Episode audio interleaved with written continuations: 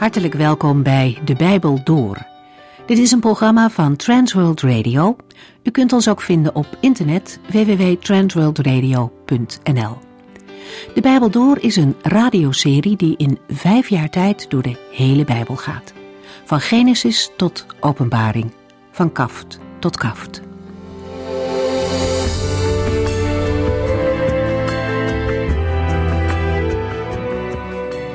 Vandaag lezen we in Jesaja 10. Maar laten we om te beginnen nog even terugkijken naar dat bekende hoofdstuk 9, waarin de geboorte van de Messias wordt aangekondigd. Zijn komst betekent dat er een einde aan de duisternis komt waarin de mensen leven. Als je niet oplet, dan lees je soms zomaar over deze woorden heen. Maar het is goed om even stil te staan bij wie deze mensen zijn. Jezaja noemt hier mensen die in donkerheid, ja zelfs in diepe duisternis leven. Hun leven is zwaar, uitzichtsloos. Blijdschap en hoop kennen ze niet. En wat zijn er eigenlijk in onze tijd ook nog veel mensen voor wie het leven moeilijk en heel donker is. God ziet ze, ieder persoonlijk. En voor ieder van hen geldt het goede nieuws dat Hij zijn licht wil laten schijnen in die duisternis. Hoe diep die ook mag zijn, het licht van God is sterk genoeg om die duisternis te verdrijven. Wat hier in Jesaja beloofd werd, is gebeurd. God heeft iemand met een hoofdletter gestuurd, een kind. Hij brengt licht en leven en hij zal de macht van de vijand verbreken. In letterlijke zin zal hij dat doen. De vijanden van Israël zullen op een dag moeten wijken. En die duisternis en oorlog zal voorbijgaan. Maar deze woorden gaan nog veel dieper. De Heere zal mensen uit de geestelijke duisternis verlossen. Hij zal ze weer echte vreugde geven als ze leven in relatie met Hem. Blijdschap is een woord dat hoort bij het leven met de Heere. Bijzonder is dat de verlossing van God plaats zal vinden door de geboorte van een kind. Wat zwak en niet machtig lijkt, is Gods manier om zijn kracht te laten zien. De beschrijving die volgt is bekend, maar wat zijn het mooie verzen om opnieuw te horen. Want een kind is ons geboren, een zoon werd ons gegeven, en de heerschappij zal op zijn schouders rusten. Dit zullen zijn koninklijke titels zijn. Wonderbare raadgever, machtige God, eeuwige vader, vredevorst. Aan zijn vredevolle bewind zal nooit een einde komen. Vanaf de troon van zijn vader David zal hij rechtvaardig regeren. Hij zal alle volken van de wereld rechtvaardigheid en vrede brengen. En dit alles zal gebeuren omdat de brandende liefde van de Heere van de hemelse legers zich heeft voorgenomen om dit te doen. Wat geweldig dat we ook vandaag mogen leven in dit vooruitzicht. De Heere heeft zijn woord gegeven en hij zal het doen.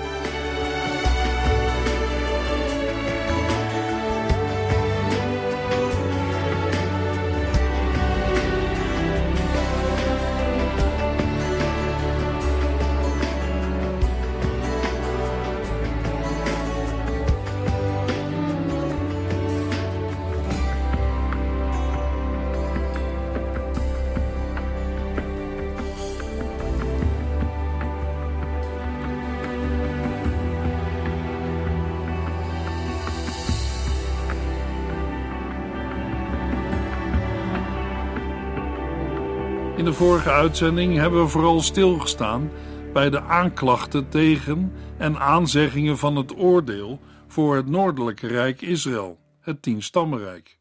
Jezaja 10 heeft een andere toonzetting en inhoud. Vers 1 begint met de uitroep Wee u, vanwege de onderdrukking van weerloze mensen. Het loopt uit op een oproep tot een ander gedrag. Het is aannemelijk dat deze oproep gericht is aan de leiders van Juda, omdat Jezaja zijn boodschap in Jeruzalem uitsprak. Jezaja 10 vers 1 en 2 Wee de onrechtvaardige rechters en zij die slechte wetten uitvaardigen, zegt de Heere, zodat er geen gerechtigheid is voor de armen, weduwen en wezen.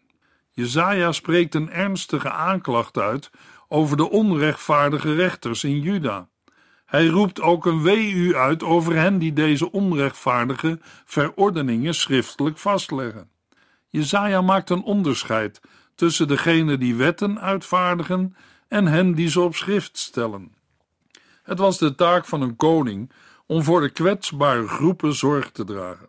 Deze verantwoordelijkheid van de koning kwam voort uit de wil van de Heere om groepen buiten een familieverband te beschermen. Door deze praktijken werden mensen aan de onderkant van de samenleving het slachtoffer. Jezaja richt het woord tot de leiders van Juda en stelt hun een vraag. Jezaja 10 vers 3 En wat zult u doen als ik vanuit een ver land de verwoesting op u afstuur? Tot wie zult u zich wenden om hulp? Waar zullen uw schatten veilig zijn? Door vragen te stellen daagt Jezaja zijn hoorders uit tot bezinning. Bij wie zullen ze hulp halen en waar zullen ze hun rijkdom achterlaten? De Heer is op dit moment hun tegenstander en zij zullen daarom niet naar hem kunnen vluchten. Jesaja 10 vers 4 Ik zal u niet helpen. U zult voortstrompelen als gevangenen en tussen de verslagenen op de grond liggen. En zelfs dan is mijn toorn nog niet bekoeld en blijft mijn hand dreigend opgeheven.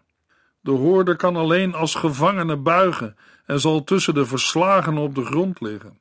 De eerste vier versen worden afgesloten door het bekende refrein, waarin Jezaja verklaart dat Gods toorn zich niet afkeert en dat zijn hand dreigend tegen hen is opgeheven. Dit betekent concreet dat de Judeërs zullen worden behandeld op de manier waarop gevangenen worden behandeld en dat zij de bescherming van de Heere niet zullen ervaren. Jesaja 10 vers 5 Assur is de zweep van mijn toren. Zijn militaire kracht is mijn wapen tegen dit goddeloze en vervloekte volk. In de vorige hoofdstukken van Jesaja kwam naar voren dat de grootmacht Assyrië de volken Israël, Syrië en Juda zal overwinnen. Maar de macht van de Assyriërs is niet onbegrensd. Het volk is een door de Here uitverkoren instrument, maar zal rekening moeten houden met Gods wil, en het kan ook onder zijn oordeel komen. De Heer is immers schepper en onderhouder van de hele wereld. De Judeërs hoeven daarom niet bang te zijn voor Assur. Daarmee worden de Israëlieten aangespoord op de Heere te vertrouwen. De boodschap die Jezaja namens de Heer in Jezaja 10 doorgeeft is 1. Gods boosheid tegen Juda zal vorm krijgen door de Assyriërs. Jezaja 10 vers 6. 2. De Heere zal uiteindelijk het Assyrische juk verwijderen. Jezaja 10 vers 16 en 25 tot en met 27. 3. Na de vernietiging van Israël blijft er een rest over die op God vertrouwt en hersteld zal worden. Jesaja 10, vers 20 tot en met 23. De datering van de beschreven gebeurtenissen is moeilijk. Er wordt teruggeblikt op vroegere vernietigingen door de Assyriërs en er wordt een aanval op Jeruzalem genoemd. De tekst past goed in de periode van en na de Syro-Eframitische oorlog. Jesaja 10 vers 5 tot en met 19 begint in de Hebreeuwse tekst met Wee Assyrië. Een weeroep van Gods wegen tegen Assur. Assur wordt aangeduid als de zweep van Gods toren. De Heere zendt de Assyriërs naar een goddeloos Juda waarop hij verbolgen is. Jesaja 10 vers 6 Hij zal hen tot slaven maken, hen uitplunderen en als vuil onder zijn voeten vertrappen. De Heere bestuurt de vijand. Hij geeft bevel om te plunderen, te roven en het volk als vuil te vertrappen. Dat de Heere de Assyriërs bestuurt, hebben ze zelf niet in de gaten. Zij handelen vanuit eigen motieven. Het hart geldt als zetel van het denken en voelen. Er worden menselijke beslissingen genomen. Sanherib beweert in Jesaja 36 vers 10 dat de Heer hem opdracht gaf op te trekken tegen Juda, maar dat lijkt vooral een retorisch argument om de inwoners van Jeruzalem te ontmoedigen en bang te maken. Het kan ook een conclusie zijn vanuit de al behaalde overwinningen. Jesaja 10, vers 7 tot en met 11. Maar de koning van Assur zal niet weten dat ik hem stuurde. Hij zal eenvoudig denken dat hij mijn volk aanvalt als onderdeel van zijn plan om de wereld te veroveren. Hij zal aankondigen dat al zijn aanvoerders spoedig koningen over de veroverde gebieden zullen zijn. Wij zullen Kalno vernietigen, net als Karkemis, zal hij zeggen, en Hamat zal net als Arpad tegen ons ten onder gaan. Samaria zullen wij vernietigen, net zoals wij het Damascus deden. We hebben menig koninkrijk ten val gebracht dat machtiger afgoden kende dan die van Samaria en Jeruzalem. Als wij Samaria en zijn afgoden hebben vernietigd, zullen wij ook Jeruzalem met zijn afgoden te gronden richten. De motieven van de Assyriërs komen tot uiting in de wens allerlei volken te veroveren en uit te roeien. Geweld wordt in het Oude Testament ontmoedigd, maar kan in bepaalde contexten worden gebruikt om onrecht te bestrijden. In een retorische vraag geven de Assyriërs aan dat hun aanvoerders allemaal vorsten zijn. Vers 8 tot en met 11 bevat een opsomming van veronderstelde uitspraken van een Assyrische spreker, die door retorische vragen aangeeft hoe onaantastbaar Assur is. De macht van Assyrische generaals is te vergelijken met die van koningen in de toenmalige staten, zoals blijkt uit de vele overwinningen. Ze zeggen dat het Kalno is vergaan als Karkemis, Hamat als Arpad en Samaria als Damascus. De opsomming van plaatsen is niet in chronologische, maar in geografische volgorde. Met het opnoemen van de plaatsen worden de grote Assyrische overwinningen in herinnering gebracht. Vol trots blikken de Assyriërs terug op de verovering van indrukwekkende steden en geven daarmee hun eigen macht aan. Assur heeft de hand gelegd op koninkrijken vol afgoden, waarbij het aantal godenbeelden dat van Jeruzalem en Samaria overtreft. Het aantal dient om hun macht aan te tonen, maar toch waren al deze goden ondergeschikt aan Assyrië en daarmee ook aan de Assyrische staatsgoden. De consequentie is dat Jeruzalem niet veilig is, omdat de godenbeelden in Jeruzalem de stad ook geen bescherming kunnen geven. In strikte zin klopt de uitspraak, omdat de afgoden de stad niet zullen redden. Maar de Assyriërs maken geen onderscheid tussen de godenbeelden en de heren. De Assyriërs kondigen aan dat zij met Jeruzalem en zijn beelden zullen doen zoals ze hebben gedaan met Samaria. Daarmee kijken ze terug op de ondergang van Samaria in 733 voor Christus en zijn zij stellig van mening dat het zuidelijke rijk Juda hetzelfde lot zal ondergaan. De angel van deze uitlatingen zit in het feit dat de Heere, de God van Israël, als een machteloze God wordt aangeduid. Hetzelfde gebeurt door Sanherib in Jesaja 36. De Assyriërs rekenen niet met de macht van de Heere, maar de Heere gaat ingrijpen, zowel in Jesaja 10 als in Jesaja 37. Jesaja gaat verder met een reactie op de hoogmoedige uitspraken van Assur. Jesaja 10 vers 12 tot en met 14. Nadat de Heere de koning van Assur heeft gebruikt om zijn doel te bereiken, zal hij zich tegen het volk van Assur keren en de Assyriërs op hun beurt straffen, want ze zijn trotse en hooghartige mensen. Zij beweren: wij hebben door eigen kracht en wijsheid deze oorlogen gewonnen. Met onze eigen kracht braken wij de muren kapot, vernietigden het volk en droegen hun schatten weg. In onze grootheid beroofden wij het volk van zijn schatten als iemand die een vogelnest leegrooft. En wij verzamelden koninkrijken als een boer die eieren raapt. Niemand kan een vinger naar ons uitsteken of zijn mond openen om tegen ons te piepen. De Heere zal de trots van de koning van Assur en zijn hooghartige blik vergelden. Hier en elders blijkt dat trots ingaat tegen de God van Israël. Maar de vergelding zal pas plaatsvinden als het werk op de berg Sion en in Jeruzalem is voltooid. Eerst moet Assur nog functioneren als werktuig in Gods hand om het oordeel over Juda ten uitvoer te brengen.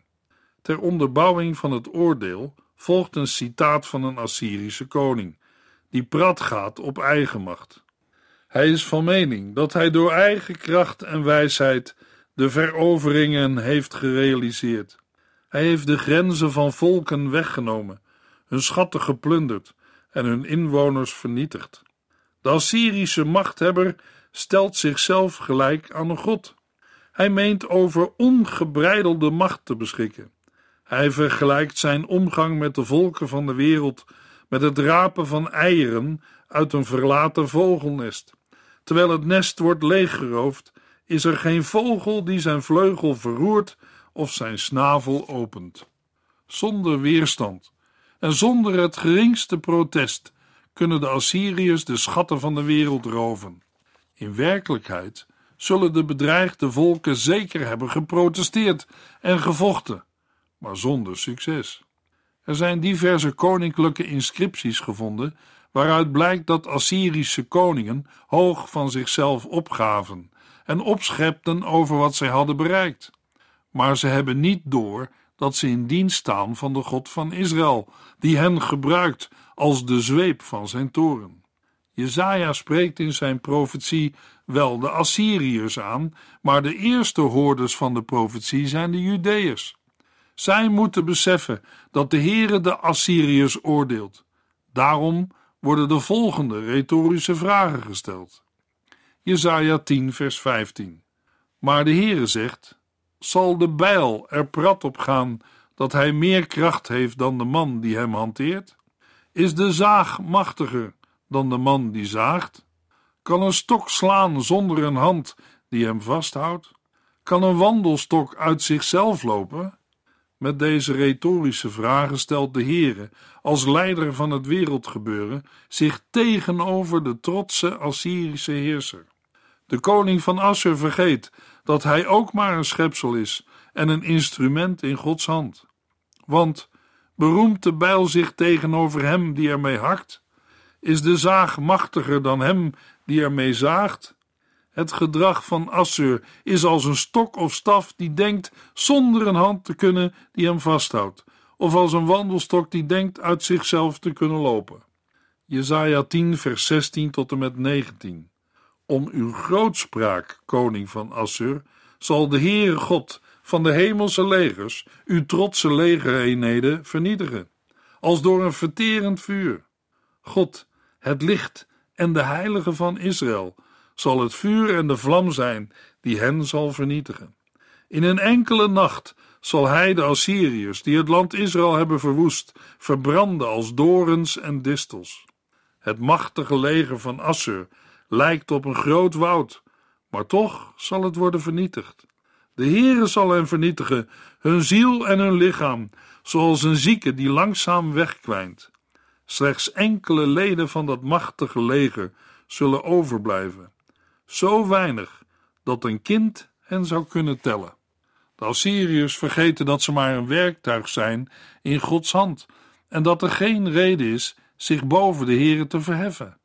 Het gevolg is dat God de trotse legereenheden zal vernietigen. Hij zal niet als afgod, maar als het licht van Israël tot een vuur worden en als de heilige van Israël tot een vlam. Het vuur en de vlam zullen de distels en de doornen van Assur op één dag verteren en verbranden. Hij zal de glorie van Assur vernietigen met alles wat erin leeft. Assur zal worden als een zieke die wegteert. Wat nog van Assur zal overblijven is een rest. Het is zo weinig dat zelfs een kind hen zou kunnen tellen. Het is opmerkelijk dat er van Assur een rest overblijft. Het kan duiden op de mogelijkheid dat een gelouterd Assyrië de Heere zal dienen en hem de eer zal geven die hem toekomt. Jesaja 10 vers 20 tot en met 27 Uiteindelijk zullen de overlevenden in Israël en Juda dan hun vertrouwen weer stellen in de Heere, de Heilige van Israël, in plaats van angstig te zijn voor degenen die hen sloegen. Een restant van hen zal terugkeren naar de machtige God want al waren de Israëlieten zo talrijk als het zand aan het strand van de zee, slechts een klein deel van hen zal op dat moment zijn overgebleven om terug te keren. Uw ondergang staat vast en daaruit vloeit gerechtigheid voort. Ja, de Heere, God van de hemelse legers, heeft nu alvast besloten hen te verteren, zodat alle volken het kunnen zien. Daarom zegt de Heere, God van de hemelse legers, O mijn volk in Jeruzalem, wees niet bang voor de Assyriërs als zij u onderdrukken, zoals de Egyptenaren lang geleden deden. Het zal niet lang duren. Binnen korte tijd zal mijn toorn tegen u bekoelen, en dan zal mijn toorn zich tegen hen keren, om hen te vernietigen.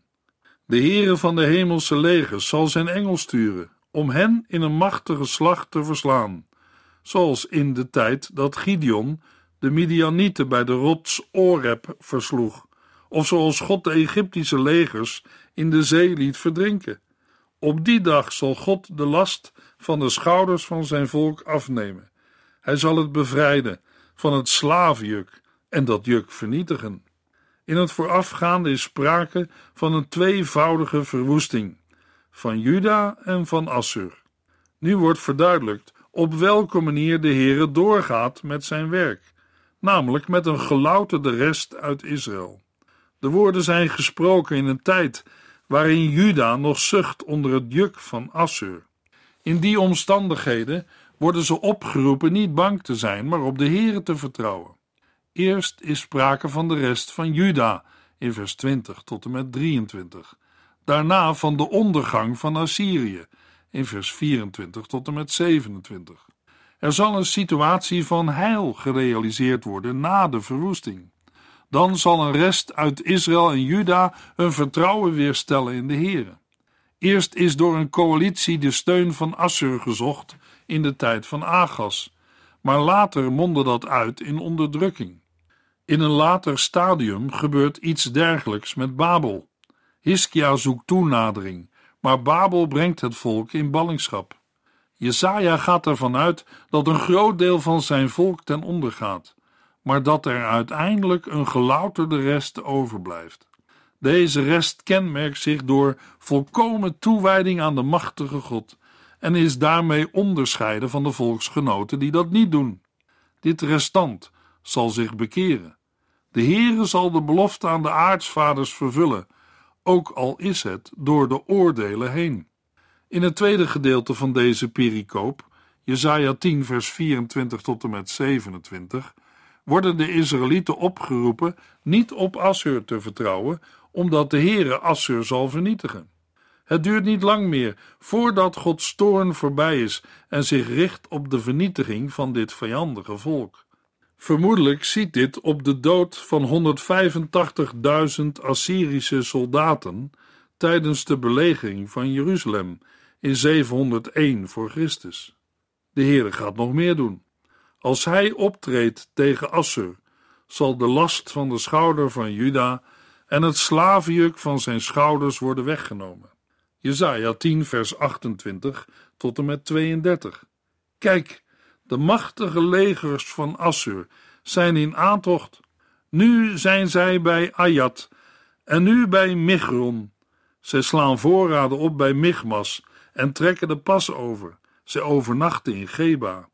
De angst houdt Rama in zijn greep. Alle inwoners van Gibea, de stad van Saul, rennen voor hun leven.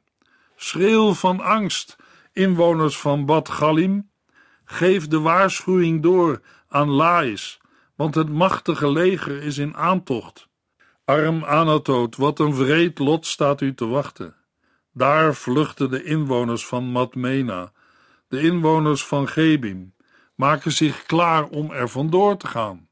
Maar de vijand houdt halt bij Nop en blijft daar de rest van de dag. Hij schudt zijn vuist tegen Jeruzalem op de berg Sion. Jesaja 10 vers 28 tot en met 34 beschrijft een inval van troepen in het gebied van het zuidelijke rijk en de beëindiging van hun opmars. Er zijn verschillende pogingen gedaan om vast te stellen over welke inval het precies gaat. In ieder geval trekt het leger vanuit noordelijke richting naar Jeruzalem. In de beschrijving staan concrete namen. Het leger overvalt Ayat, trekt door Migron en legt de uitrusting bij Michmas neer. Ayat wordt gewoonlijk gelijkgesteld met Ai, een plaats op de grens tussen de stamgebieden van Ephraim en Benjamin. Ayat is daarmee de meest noordelijke locatie van het zuidelijke rijk, bestaande uit de stammen Juda en Benjamin. Bij een gevaarlijke en steile wadi bij Michmas stoppen de mannen en leggen daar hun wapens neer, omdat ze niet met zware bepakking de steile helling bij Michmas kunnen nemen.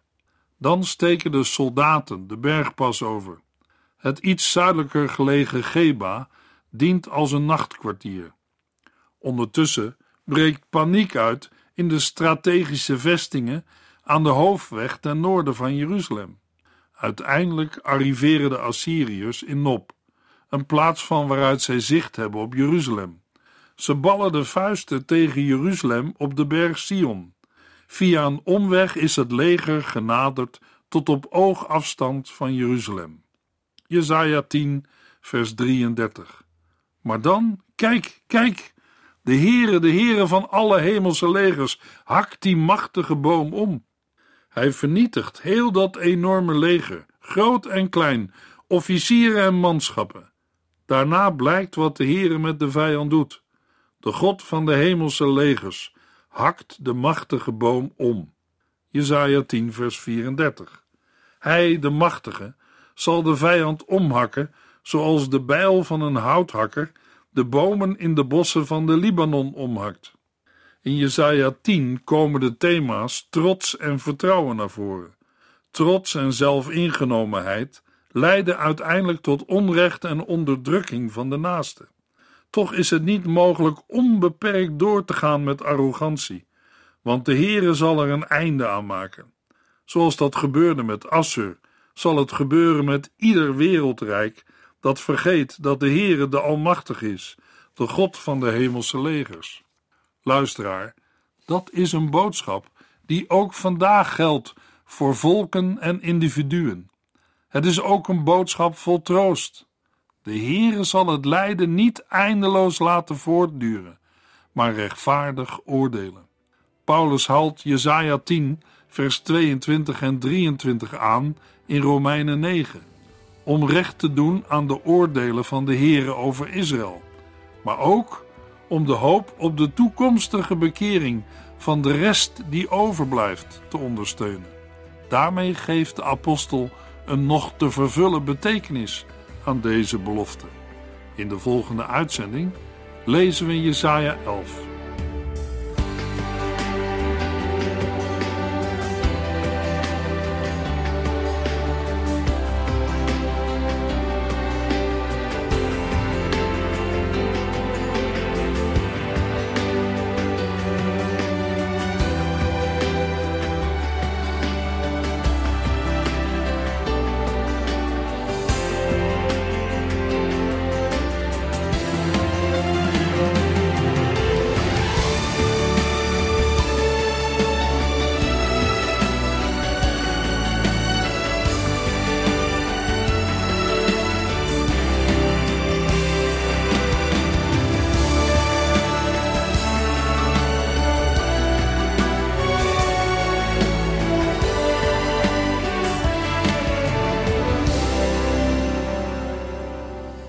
Eindigt deze aflevering van De Bijbel Door.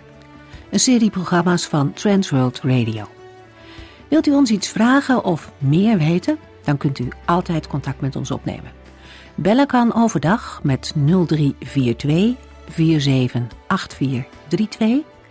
Per post Transworld Radio. Postbus 371. Postcode 3770. Anton Johannes in Barneveld. En e-mailen kan ook. De Bijbel door at transworldradio.nl En natuurlijk ook via onze website transworldradio.nl Dit programma werd gepresenteerd door Cor Weda en Ike André. En namens iedereen die er nog meer aan meegewerkt heeft, graag tot de volgende keer.